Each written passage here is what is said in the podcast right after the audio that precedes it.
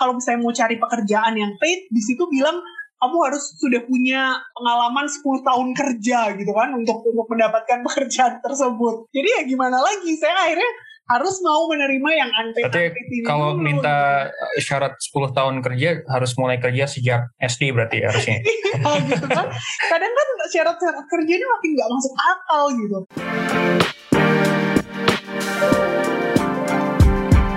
Hai sahabat TCID, kalian sedang mendengarkan podcast Suara Akademia, ngobrol seru isu terkini bareng akademisi.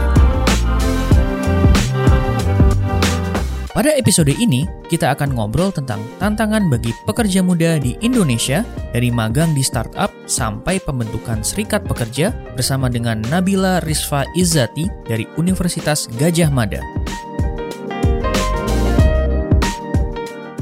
Ya, halo, uh, selamat pagi, selamat siang teman-teman yang mendengarkan Suara Akademia. Kembali lagi dengan saya, Lutfi, editor edukasi dan anak muda di The Conversation Indonesia. Pada pekan kali ini kita akan ngobrolin isu yang cukup hangat nih di kalangan anak muda, yaitu dilema yang dihadapi oleh pekerja muda, gitu, tantangan ketenaga kerjaan, mulai dari hukum magang yang selama ini mungkin ambigu dan kurang jelas, hingga hal-hal kayak tidak terbukanya urusan salary dan gaji di dan masih banyak lagi. Kali ini kita sudah ditemani oleh Mbak Nabila Rizfa Izzati dari Fakultas Hukum UGM, bener ya Mbak ya? Betul. Fakultas Hukum UGM, uh, terutama spesialisasi beliau adalah uh, Labor Law atau Hukum Ketenaga Kerjaan. Halo Mbak Nabila, apa kabar? Halo Mas Lutfi, kabar baik. Jadi yang pertama mungkin Mbak yang ingin saya tanyakan, baru-baru ini kan ada kasus terkait salah satu perusahaan startup education tech ya, teknologi pendidikan yang mana di Twitter dan di Instagram itu kayak ke expose kayak ada dugaan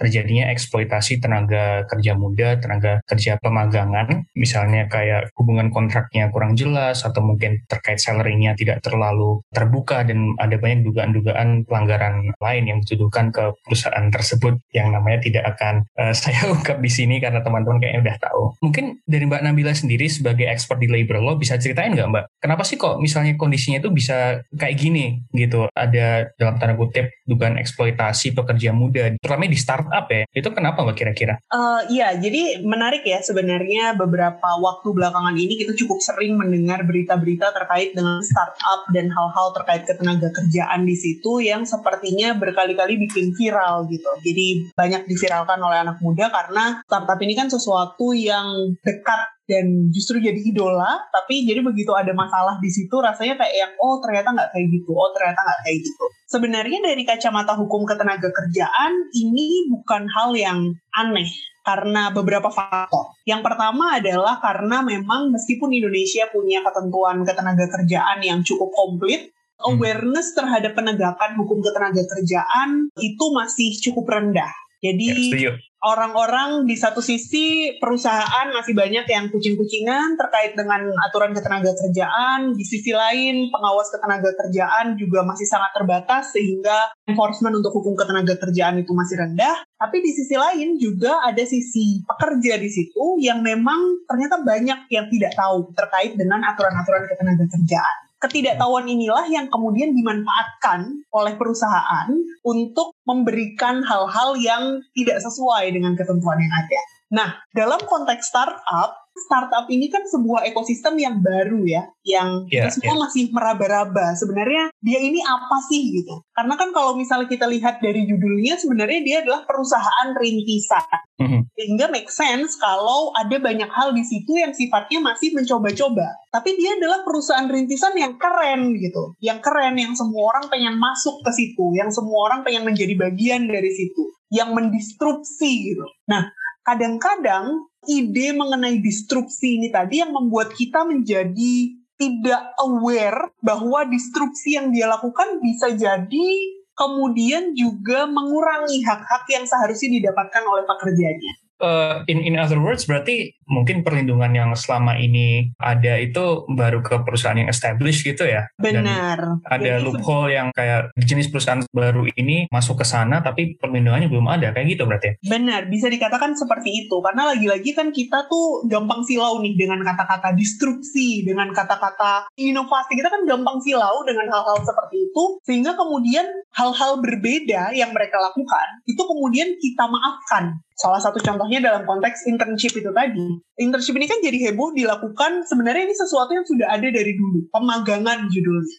Cuman dia menjadi semakin banyak dilakukan hari-hari ini di startup karena sepertinya itu nggak tahu juga kenapa intinya itu jadi salah satu hal yang kayaknya hampir semua startup itu punya intern gitu dan kayak kata-katanya udah keren gitu kan intern intern internship gitu. Nah mm-hmm. karena kekerenan ini kita jadi lupa melihat sebenarnya konteks legal yang harus melindungi para intern ini apa sih gitu. Padahal ya nggak ada gitu. Tapi menjadi sesuatu yang hanya menguntungkan dari sisi perusahaan rintisan ini tadi. Iya sih mbak. Soalnya kan dari segi demand gitu juga dari kedua sisi juga semakin butuh kan ya. Misalnya kayak dari startup misalnya yang yang jenis proyeknya atau mungkin lebih jangka pendek atau misalnya karena masih di funding phase dan butuh cepat growth mungkin kayak cari pekerja yang low cost sementara mungkin dari segi mahasiswa kayak mereka juga butuh stepping stone itu kayak. Jadi kayak dari kedua pihak itu saling membutuhkan dan karena saling membutuhkan ini mereka kadang melupakan bahwa there is something that's hukum kita mungkin belum belum sampai di situ ya.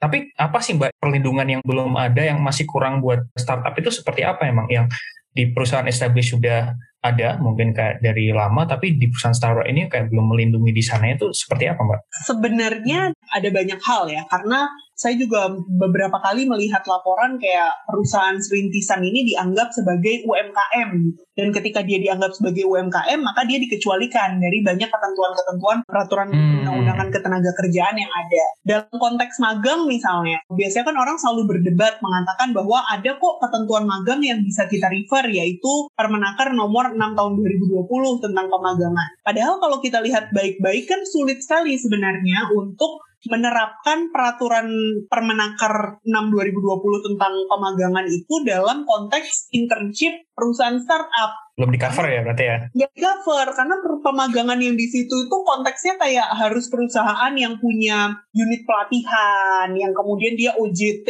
yang kemudian dia melaporkan ke Disnaker, hal-hal yang sama sekali sebenarnya tidak dilakukan oleh perusahaan startup tapi kemudian juga ya diboleh-bolehkan aja gitu karena nggak ada mekanisme pengawasan itu ya akhirnya jalan-jalan aja.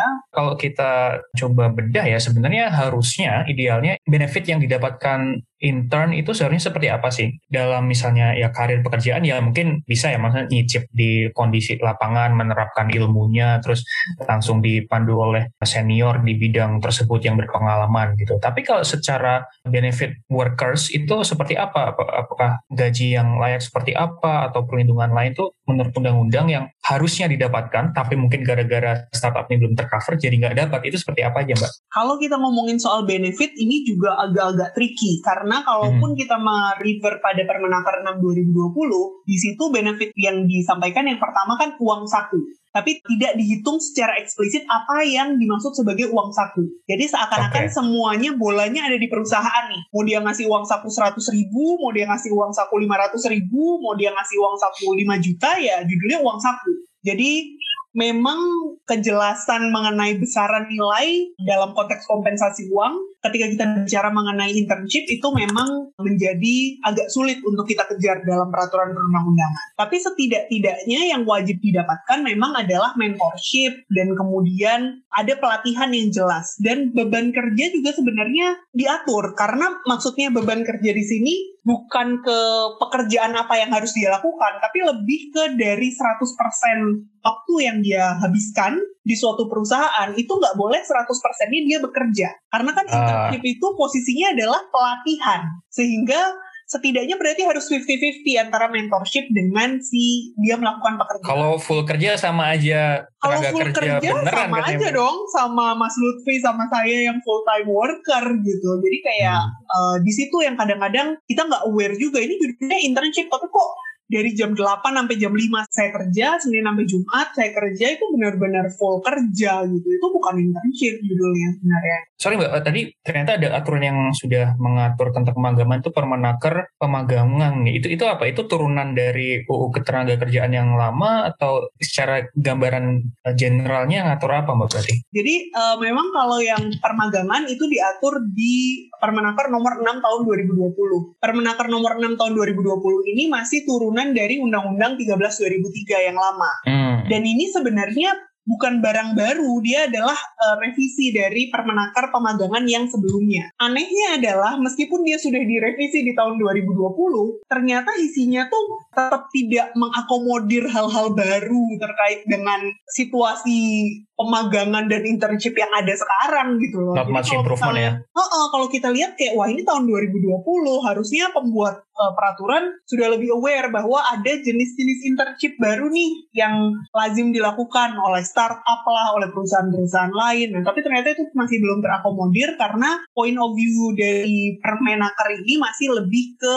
pemagangan sebagai pelatihan kerja, bukan sebagai internship yang lazim dilakukan. Okay. Tadi Mbak Nabila nyebut di dalam situ juga ada standar gaji tertentu ya gitu. Terus karena di startup yang baru ini kan belum ke cover itu standar gajinya terus kayak tergantung perusahaan karena emang belum terikat ini. Tapi kalau di perusahaan yang establish ya atau yang di-include di cover dalam aturan itu itu standar gajinya yang didapatkan itu harusnya UMR gitu atau gimana? Enggak enggak. Uh, tadi dalam Permenaker ini jeleknya juga dia tidak ada standar gaji. Oh, bahkan ini bukan hanya masalah baru di startup tapi sudah lama enggak. pun kayak tetap nggak ada kejelasan standarnya juga ya, ada. cuma bilang dia cuman uang saku doang gitu. Oke. Okay. Harus ada uang saku tapi nggak jelas nih uang sakunya berapa gitu kan. Itu oh, wow. itu belum jelas. Makanya memang revisi dari permenaker ini menurut saya sangat diperlukan sih. Jadi sebelum ada problem yang di startup ini yang belum ke cover sebelumnya juga ada ketidakjelasan standar gaji. Kemudian ditambah lagi ada masuk pemain baru yaitu startup yang nggak di cover semakin pengawasan atau standar minimum yang didapatkan oleh pekerja muda juga semakin nggak jelas lagi gitu kan ya mbak betul, berarti? Betul betul Okay, Jadi dari wow. awal memang eh, bermasalah, oh. terus makin banyak lah, semakin menjamur nih gara-gara ada startup, makin banyak internship, padahal di satu sisi belum ada pengaturan yang jelas mengenai ini. Apakah ini kan kemarin itu kan salah satu aturan yang dipakai untuk tenaga kerja kan uh, eh, UU tahun 2003 ya, Mbak ya. Terus kemudian ada revisi UU Cipta Kerja. Mm-hmm. Is there any difference dengan adanya UU Cipta, Cipta Kerja ini untuk pemagangan atau untuk yang concerning pekerja muda lainnya? Uh, kalau yang bicara mengenai pemagangan sih nggak ada perubahan. Cuman sebenarnya sama ya pasalnya. Sama, okay. cuman karena seharusnya sih nanti akan ada improvement soal pelatihan kerja ya. Jadi mungkin beberapa improvement nanti terkait pelatihan kerja. Itu pun sebenarnya karena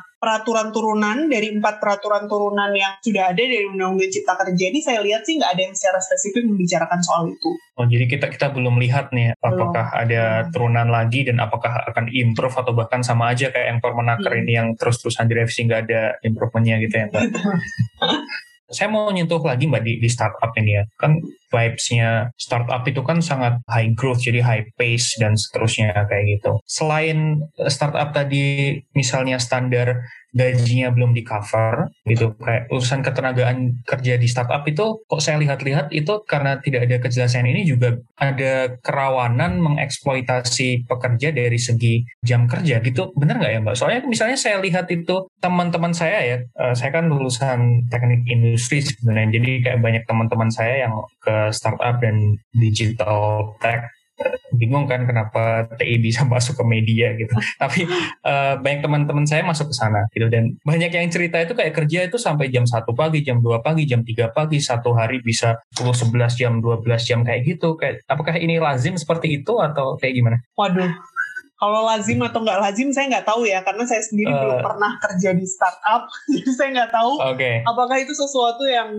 memang terjadi di semua startup atau hanya beberapa startup seperti itu. Cuman memang sekarang ada kecenderungan kan jam kerja itu menjadi semakin panjang. Sebenarnya jam kerja yang panjang ini tidak bisa dilepaskan dari ide fleksibilitas kerja atau fleksibilitas hmm. pasar kerja. Jadi ide mengenai fleksibilitas pasar kerja itu kan membuat kita beranggapan bahwa pekerjaan yang fleksibel itu adalah pekerjaan yang keren. semakin fleksibel semakin keren. Justru pekerjaan kayak 9 to 5 itu sudah ditinggalkan karena boring ya. Oh, oh, boring. Orang tuh maunya kayak kerja itu ya fleksibel. Tapi di sisi lain ternyata ide mengenai pekerjaan yang fleksibel itu justru bisa berpotensi menyebabkan eksploitasi. Karena fleksibel itu menjadi kayak ya kamu bisa kerja kapan aja gitu. Karena nggak ada 9 to 5 yang jelas malah jadi yang kayak ya kamu jadi bisa kerja sampai jam 2 malam, sampai jam 1 malam. Makanya kayak kita WFH itu bukannya jadi lebih sedikit, jam kerjanya malah jadi bekerja 24 jam gitu kan. Nah, itu sangat mungkin terjadi tidak cuma di startup, tapi sepertinya karena startup itu lagi-lagi adalah isinya kebanyakan anak muda ya, yang kayak sesuatu yang mungkin tenaganya masih tinggi dan dia tipenya yang kayak masih menggebu-gebu banget bekerja. Hustle culture kalau bahasa Iya, hustle culture-nya itu kan masih tinggi gitu, sehingga itu justru menjadi sesuatu hal yang wajar. Padahal ya seharusnya nggak wajar sih yang kayak gitu. Tapi kalau di perusahaan yang established gitu ya Mbak, apakah itu udah diregulasi terkait itu misalnya kayak terkait overtime-nya lah atau apanya atau limitnya dan di startup apakah itu juga kena regulasi seperti itu juga atau uh, landscape-nya gimana nih? Seharusnya ya, seharusnya sepanjang itu adalah hubungan kerja yang uh-huh. uh, berdasarkan pada Undang-Undang 13 2003 yang diubah oleh Undang-Undang Cipta Kerja, maka dia mengikuti ketentuan aturan waktu kerja. Waktu hmm. kerja itu kan 7 sampai 8 jam. Jadi kalau misalnya lebih dari itu maka dia wajib dianggap sebagai lembur. Jadi lembur itu pun ada batasnya nih sebenarnya. Jadi kalau berdasarkan ketentuan peraturan perundang-undangan, lembur itu maksimal dalam satu hari tiga jam. Jadi nggak boleh sebenarnya kita lembur sampai kayak jam 2 malam, sampai jam satu malam. Itu kan berarti lebih dari tiga jam. Nah, itu sebenarnya tidak diperbolehkan. Kalau lembur pun dia juga harus ada upah lembur yang dibayarkan. Nggak bisa harus lebih dari upah pokok. Nah, perusahaan-perusahaan yang established, bahkan kita ngomongin factory-factory lah gitu. Jadi kayak hmm. pabrik-pabrik itu justru sistem seperti itunya lebih berjalan. Karena mereka sistem shift-nya itu lebih jelas, sistem 9 to 5-nya lebih jelas, kemudian mereka ada perhitungan upah lembur dan lain sebagainya lebih jelas. Nah, di perusahaan-perusahaan yang menjual fleksibilitas ini yang kayak gitunya malah gak jelas saya lihat. Malah hmm. kayak yang gak ada tuh upah lembur, gak ada tuh apa gitu. Jadi kayak seakan-akan ya kan gajinya udah gede misalnya. Padahal kalau misalnya dihitung-hitung dia gajinya gede tapi ya karena kerjanya dia bisa sampai 15 jam dalam sehari misalnya itu kan nggak sehat sebenarnya gitu. Dan apalagi kalau misalnya di startup atau perusahaan yang kayak high growth apa kayak gitu yang yang banyak digandrungi anak muda mungkin karena hasil culture-nya itu dan kayak mental cari cuan di usia muda jalur sukses bla bla bla itu semua terus jadi semakin permisif ya mbak itunya. Benar. Bisa bisa dibilang kayak gitu nggak? Bisa okay. bisa. Kita jadi yang kayak mau protes itu kayak dianggapnya kayak ih apa sih gitu lemah banget kayak cuman gini aja protes misalnya. Padahal ya memang ini di luar ketentuan yang ada. Kita punya hak untuk mengatakan bahwa oh jam kerja saya udah terlalu panjang gitu. Aku coba uh, wrap up segmen ini dulu. Jadi apakah benar kalau uh, saya menginterpretasikannya gini kayak emang ada sumber masalah itu dari regulator kayak aturan dan regulasi yang uh, belum mengcover terutama misalnya kayak kategori perusahaan baru seperti startup gitu ya. Yang yang sebenarnya untuk perlindungan yang dulu aja udah lemah terus makin ada startup itu semakin nggak ke cover. Kemudian startup itu bisa abuse these legal loopholes kayak gitu kan. Dan ditambah lagi ada pekerja yang mungkin bisa dikatakan misalnya uh, anak muda yang literasi hukumnya belum oke okay, gitu. Jadi semua itu uh, cycle yang semakin memperkeruh kondisi ketenaga kerjaan buat anak muda. Can I say that mbak? Atau yeah. uh, something like that ya? oh ya bisa wrap up Oke, okay, oke. Okay. Nah, well, we're still talking about internship nih. Aku uh, mau tanya mungkin bagi pendengar yang mungkin lulusan baru atau sekarang juga lagi nyari kerja di internship atau bahkan sedang trap di dalam sebuah abusive internship misalnya saat ini atau begitu. Ada practical tips nggak buat mereka itu? Kalau menurut saya program internship yang baik itu setidak-tidaknya punya perjanjian pemagangan yang jelas. Jadi perjanjian pemagangan itu sebenarnya disyaratkan oleh Permenaker 6 2020 yang tadi saya mention untuk didaftarkan ke Disnaker. Tapi kalaupun misalnya perjanjian pemagangan itu tidak didaftarkan di Disnaker, setidaknya dia kan mengikat bagi dua belah pihak, bagi si pekerja maupun bagi si perusahaan. Jadi kalau internshipnya dari awal nggak ada perjanjian pemagangan yang jelas, itu menurut saya udah kayak udah kayak red alert nih gitu. Kenapa nih? Berarti kan hak dan kewajibannya jadi nggak jelas dong. Ketika ada dokumen perjanjian pemagangan, menjadi jelas apa ekspektasi si perusahaan kepada kita, apa ekspektasi kita terhadap perusahaan. Dari situ kemudian kita bisa mengakses kayak risk management lah, kira-kira ditimbang-timbang worth it nggak sih untuk saya bisa melanjutkan hubungan internship ini, bisa bisa melalui internship ini. Kalau dari awal udah nggak ada perjanjian pemagangan yang jelas, menurut saya kayak ditimbang. Just walk away. Gitu ya. walk ya. away. Cari, cari yang gitu. lebih baik sebaiknya gitu. Terus habis itu karena menurut ini, saya ini tips yang yang juga applicable buat kalau nyari pacar juga bisa juga ya. hindari yang toxic dan abusive. Ada Tapi masalahnya kalau pacar nggak ada perjanjian perpacaran kan, itu lebih sulit itu. Karena nggak ada kayak hitam di atas putih yang bisa dibilang kayak ada hak dan kewajiban gitu. Benar benar. Oh, itu itu salah satu yang salah satu practical tip yang menurut saya menarik karena sebagai intern kita punya hak untuk menanyakan kepada perusahaan untuk kayak benefit yang saya dapatkan apa atau hmm. nggak hmm. langsung nanya benefit lah lebih ke kayak hak dan kewajibannya apa sih kalau misalnya nanti hak dan kewajibannya lebih ke kayak well let wait and see gitu ya. Kayak yang nanti kalau ada ini kan itu nggak jelas. Jadi saya disuruh apa? Apakah saya disuruh fotokopi? Apakah saya disuruh bikin proposal? Apakah saya disuruh bersih bersih kantor? Apa apa jadi nggak jelas gitu. Kalau misalnya yang kayak yeah. iya nanti bantu bantu lah gitu ya Hah? jadi yang kayak kayak gitu sebaiknya dipikirkan ulang. Kalau misalnya sudah terlanjur ada di dalam hubungan internship yang dirasa sangat merugikan, menurut saya nggak ada salahnya untuk walk away juga karena kalau nggak ada perjanjian yang mengikat toh kita nggak punya kewajiban hukum apa pun jadi kalau misalnya tiba-tiba kita memutuskan untuk kayak ah besok saya nggak mau berangkat intern lagi sebenarnya mereka nggak bisa melakukan apa pun jadi lagi-lagi okay. kembali ke perjanjian pemagangan itu itu menguntungkan bagi kedua belah pihak perusahaannya juga jadi lebih jelas hak dan kewajibannya pekerjanya pun jadi lebih jelas hak dan kewajiban Oke, tuh dengar ya teman-teman, we have to learn to let go dan move on gitu. Kalau emang abusive.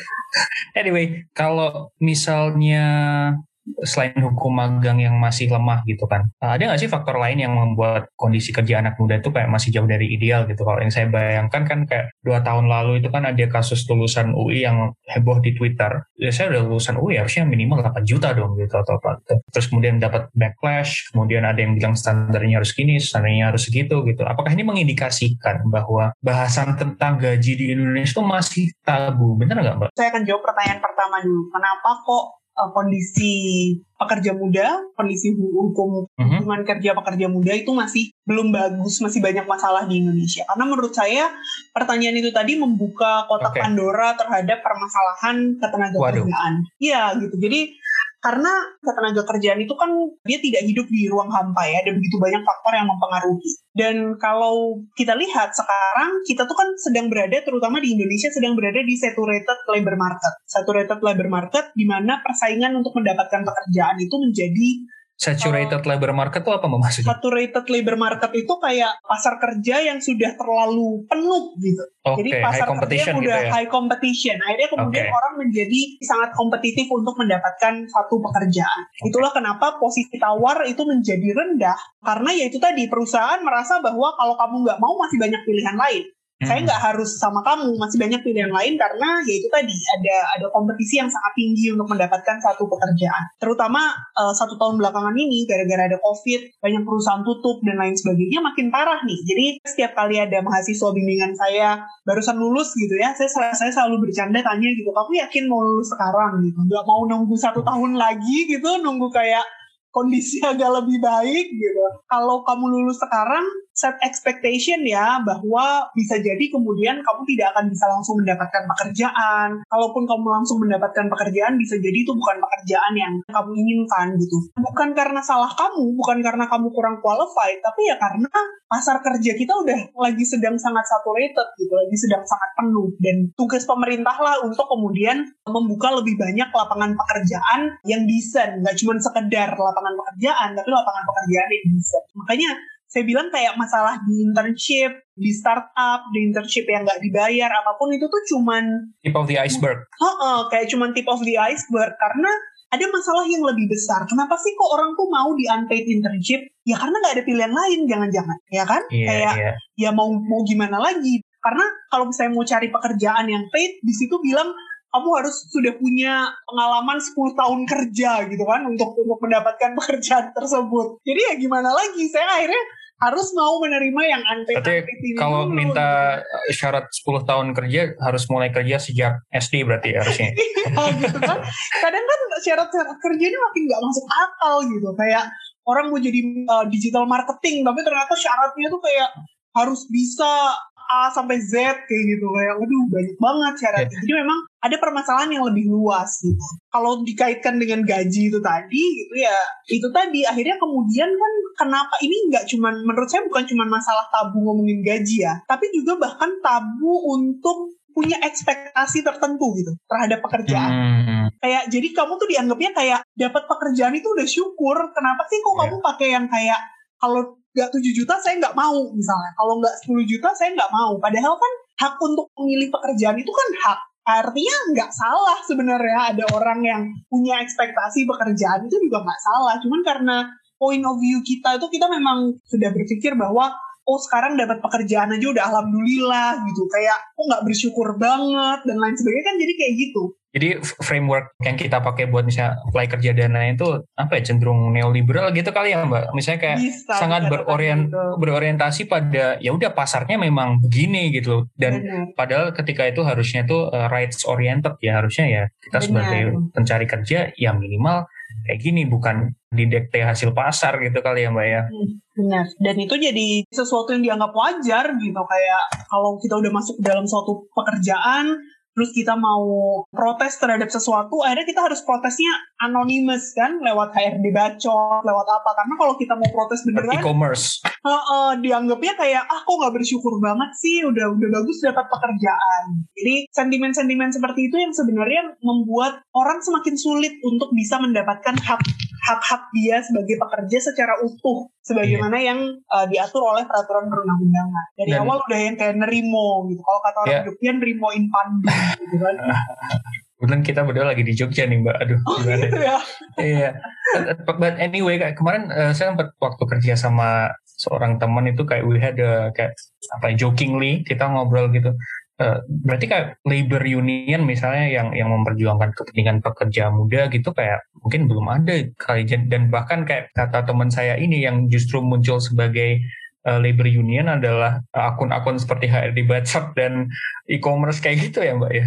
Iya benar. Saya baru kemarin nih nge-tweet soal ini. Saya bilang saya tuh sebenarnya satu-satunya hal baik yang saya harapkan dari Undang-Undang Cipta Kerja dari semua -hmm. hal-hal buruk yang yang terjadi itu ada momentum. Mm -hmm. Orang menyadari tentang hukum ketenaga kerjaan gitu, tentang betapa berpengaruhnya hukum ketenaga kerjaan ter terhadap kita dan kemudian orang menyadari bahwa punya kolektif bergaining itu sangat penting dalam konteks hubungan kerja karena kalau kita mau fight sendirian itu sulit. Yang di, perlu dilakukan adalah kolektif bergaining. Kolektif bergaining e, cara paling efisien yang sudah diatur apa sih? Yang mekanisme yang sudah diatur ya lewat serikat pekerja. Jangan kemudian antipati duluan gitu sama yang dianggap serikat pekerja itu kayak wah buruh pabrik nih pasti serikat pekerja sukanya demo bakar-bakar gitu. Jangan antipati duluan karena kolektif bergaining itu adalah powerful tool bagi working class. Padahal selama kita bukan pemegang kapital ya kita adalah buruh kan Mbak. Betul. Mau bekerja jadi apa pun, mau duduk di kantor aslinya sedingin apa pun ya tetap kita buruh gitu kan. Kita buruh. Makanya itu memang politik hukum ketenaga kerjaan kita tuh bagus banget ya. Selama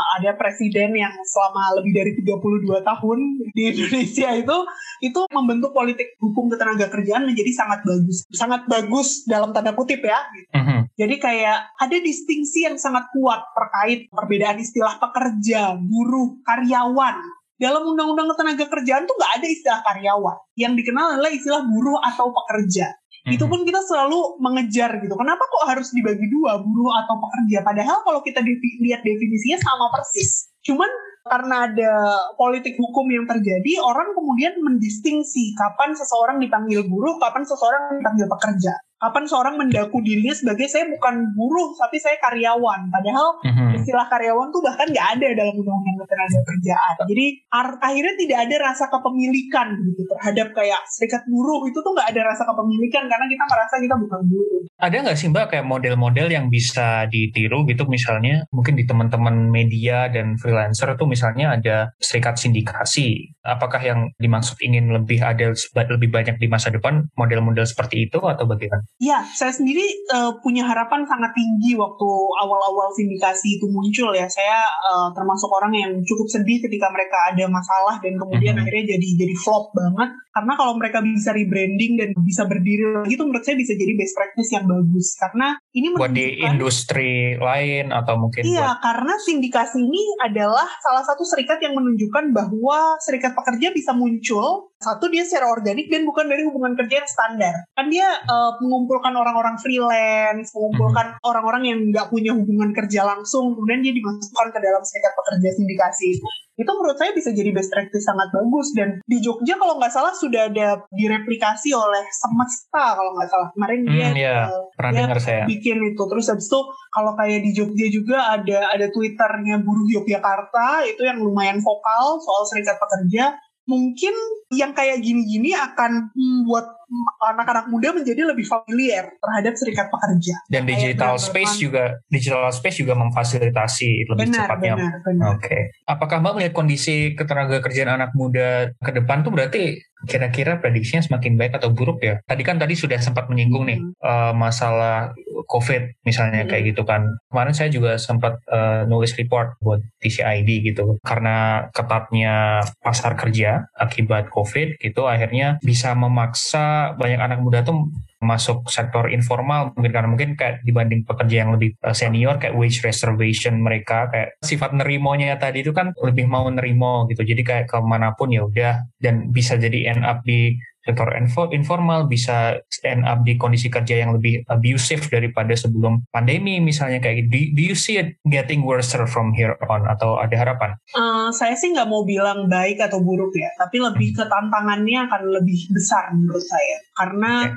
Satu pandemi, dua undang-undang cipta kerja, undang-undang cipta kerja itu kan membuka pasar kerja yang lebih fleksibel. Pasar kerja yang lebih fleksibel itu memang akhirnya menyebabkan semakin banyak pekerja-pekerja informal dalam hal ini pekerja kontrak, pekerja outsourcing. Fleksibel ya. dalam dalam sense yang tidak baik ya berarti ya? Iya, dalam sense okay. yang pasar kerja fleksibel itu kan menekankan pada banyaknya pekerjaan. Jadi banyak pekerjaan yang tersedia, tapi pekerjaan-pekerjaan ini tidak menekankan pada pekerjaan yang memberikan keamanan kerja. Yeah. Keamanan kerja itu apa sih? Ada jaminan sosial, ada benefit, ada upah yang layak, ada segala macam. Nah, ada prospek jangka panjang. Ada prospek jangka panjang, ada prospek karir. Nah itu yang tidak ditawarkan oleh pasar kerja fleksibel. Karena pasar kerja fleksibel itu orang bisa jadi gampang masuk, tapi juga dia gampang keluar. Jadi gampang masuk dan keluar ini sangat mudah terlihat dalam konteks pekerja kontrak.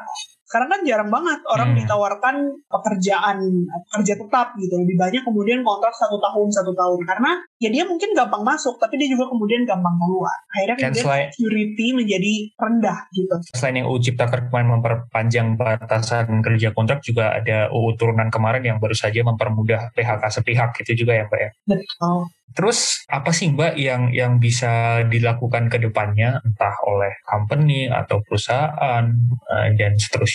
What what can we do from here on? kalau dari sisi jadi kan kalau kita bicara hubungan kerja itu ada tiga sisi ya di situ. Ada sisi pemerintah ada sisi perusahaan dan mm-hmm. ada sisi pekerja. Sebenarnya tiga pihak ini saling terkait satu sama lain dan dia saling membutuhkan. Tapi karena hubungan yang tidak seimbang antara pekerja dan pengusaha itu tadi maka sering kali kemudian pengusaha gampang untuk menafikan hak-hak yang seharusnya dia dia berikan kepada pekerja maka sudah menjadi kewajiban pemerintah untuk mengenforce hukum ketenaga kerjaan dengan lebih baik. Karena sebenarnya di atas kertas hukum ketenaga kerjaan kita tuh bagus. Ada banyak hal bagus sebenarnya. Bahkan pasca undang-undang cipta kerja pun ada banyak aturan-aturan yang masih cukup bagus kalau dia di enforce. Enforcement bisa terjadi karena ketika apa? Ketika ada itikat dari perusahaan, ketika ada awareness dari pekerja, dan ketika ada pengawasan dari pemerintah. Jadi tiga hal ini harus berjalan beriringan. Sebagai pekerja kita harus aware, makin aware terhadap hak-hak kita, atau sekarang ketentuan-ketentuan ketenaga kerjaan bisa dengan mudah kita cek di internet.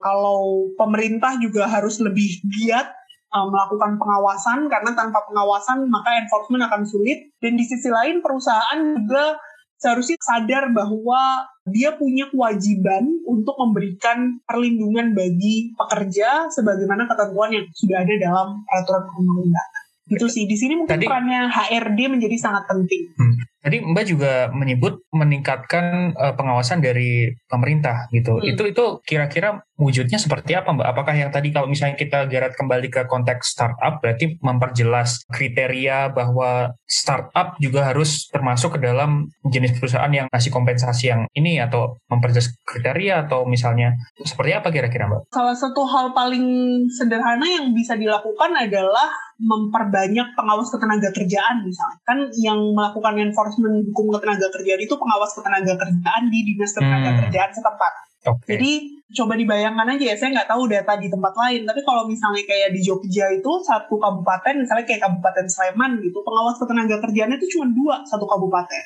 Padahal perusahaannya ada banyak banget perusahaan besar, perusahaan kecil, perusahaan startupnya ada banyak banget. Pengawas Kebayang ketenaga ya? kerjaan itu what exactly do they do sih mbak? Seharusnya tugas mereka adalah mengenforce ketentuan ketenaga kerjaan. Tapi karena mereka sangat sedikit, akhirnya kayak yang terjadi gitu di di lapangan. Iya, gitu. jadi kayak sidak gitu. Akhirnya yang terjadi sekarang mereka melakukan itu kalau ada laporan. Jadi kalau misalnya kita oh. lapor nih, eh perusahaan saya nggak ngasih THR misalnya, kita lapor ke pengawas ketenaga kerjaan, pengawas ketenaga kerjaan itu akan datang ke perusahaan atau ngasih surat ke perusahaan, ngasih SP lah semacam ke perusahaan untuk ngasih THR ke kita. Jadi tugas mereka adalah semacam kayak polisinya bagian ketenaga kerjaan gitu my final question mungkin caranya buat pekerja muda dan mungkin teman-teman mahasiswa dan lulusan baru dan yang mereka yang mau nyari masuk ke pasar kerja, what can we do untuk meningkatkan literasi tentang hukum ketenaga kerjaan sih, Mbak?